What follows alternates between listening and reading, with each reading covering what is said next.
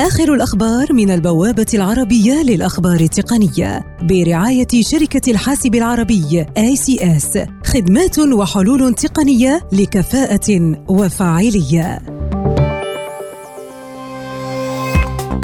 يوتيوب تبدأ إطلاق وضع صورة في صورة لجميع مستخدميها على نظام تشغيل أندرويد خارج الولايات المتحدة الأمريكية، إذ يمكن عرض مقاطع الفيديو في نافذة منفصلة مع إمكانية التبديل بين التطبيقات في آن واحد.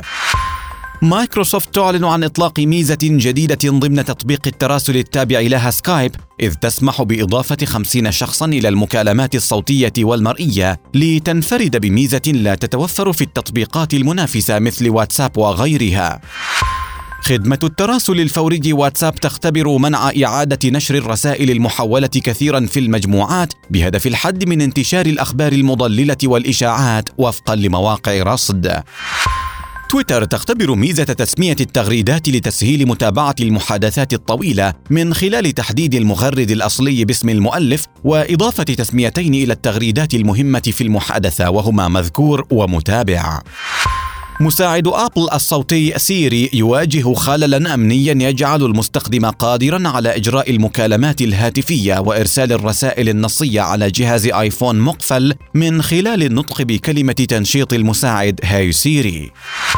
جوجل تضيف ميزة الإبلاغ عن وجود تباطؤ في حركة المرور إلى خرائطها، وهي الميزة المتاحة على خدمة الملاحة والخرائط ويز التي استحوذت عليها قبل سنوات.